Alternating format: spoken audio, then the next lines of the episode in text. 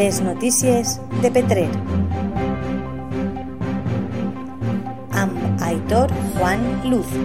Ahir, a Petrer, els professors de la Unió Musical de Petrer van interpretar el primer concert després del confinament. Avui tenim amb nosaltres l'organitzador, Rubén, de la Unió Musical de Petrer, que ens va explicar com es va fer el concert.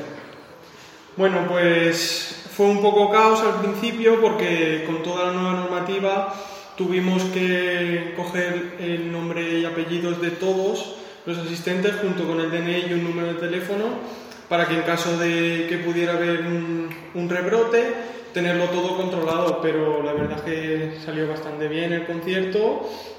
Conseguimos captar como unas 100, 110 personas en cuestión de tres días, con lo cual parece que fue un éxito.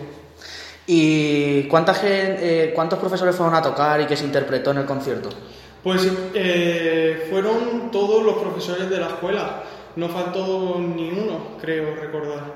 Y bueno, se interpretaron pues como son los profesores y la mayoría del público eran alumnos de la banda o, o gente que quiere estudiar, pues eh, fue un repertorio muy ameno. In- Iniciamos con Libertango, que es un, un tango de Astor Piazzolla, y continuamos todo con, con música de películas, Piratas del Caribe, La Pantera Rosa, incluso de dibujos animados como Esponja.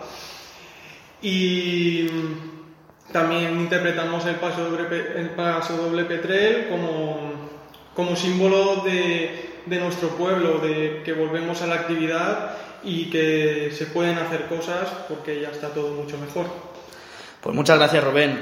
Ya, ya ven, señores de la Tegua Radio, la Unión Musical torna a la carga.